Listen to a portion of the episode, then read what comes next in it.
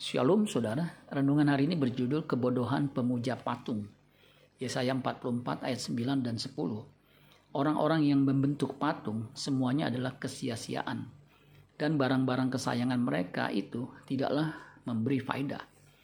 Penyembah-penyembah patung itu tidaklah melihat dan tidaklah mengetahui apa-apa. Oleh karena itu mereka akan mendapat malu. Siapakah yang membentuk Allah dan menuang patung yang tidak memberi faedah. Oleh Lembaga Alkitab Indonesia, perikop ayat di atas diberi judul Kebodohan Pemuja Patung. Saya sangat suka dengan judul ini. Betapa bodohnya orang yang membuat patung lalu menyembah patung yang dibuatnya itu. Padahal patung itu ciptaannya.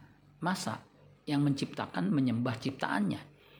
Di ayat selanjutnya ada penjelasan sebagai berikut. Yesaya 44 ayat 13 sampai 20. Tukang kayu merentangkan tali pengukur dan membuat bagan sebuah patung dengan kapur merah. Ia mengerjakannya dengan pahat dan menggarisinya dengan jangka. Lalu ia memberi bentuk seorang laki-laki kepadanya, seperti seorang manusia yang tampan. Dan selanjutnya ditempatkan di dalam kuil Mungkin ia menebang pohon-pohon aras atau ia memilih pohon saru atau pohon terbantin. Lalu membiarkannya tumbuh menjadi besar di antara pohon-pohon di hutan. Atau ia menanam pohon salam, lalu hujan membuatnya besar. Dan kayunya menjadi kayu api bagi manusia yang memakainya untuk memanaskan diri. Lagi pula ia menyalakannya untuk membakar roti. Tetapi juga ia membuatnya menjadi Allah lalu menyembah kepadanya. Ia mengerjakannya menjadi patung lalu sujud kepadanya. Setengahnya dibakarnya dalam api dan di atasnya dipanggangnya daging. Lalu ia memakan daging yang dipanggang itu sampai kenyang. Ia memanaskan diri sambil berkata, "Ha, aku sudah menjadi panas. Aku telah merasakan kepanasan api." Dan sisa kayu itu dikerjakannya menjadi Allah, menjadi patung sembahannya ia sujud kepadanya. Ia menyembah dan berdoa kepadanya. Katanya, tolonglah aku, sebab engkaulah Allahku. Orang seperti itu tidaklah mengetahui apa-apa dan tidak mengerti apa-apa, sebab matanya melekat tertutup, sehingga tidak dapat melihat, dan hatinya tertutup juga, sehingga tidak dapat memahami.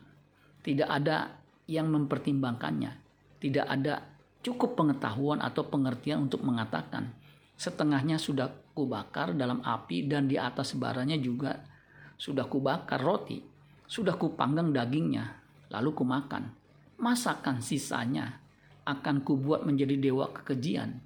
Masakan aku akan menyembah kepada kayu kering. Orang yang sibuk dengan abu belaka disesatkan oleh hatinya yang tertipu. Ia tidak dapat menyelamatkan jiwanya atau mengatakan, "Bukankah dusta yang menjadi peganganku?" Tuhan itu satu-satunya Allah yang harus disembah. Dialah yang menyelamatkan umatnya. Jadilah orang yang cerdas, yang mengerti kehendak Allah. Efesus 5 ayat 17. Sebab itu, janganlah kamu bodoh, tetapi usahakanlah kamu mengerti kehendak Tuhan. Ingatlah, jangan bergaul dengan orang bodoh yang hidup dalam kegelapan, supaya perilaku kita tidak ikut bodoh dan jahat. Efesus 5 ayat 7 sampai 11. Sebab itu janganlah kamu berkawan dengan mereka.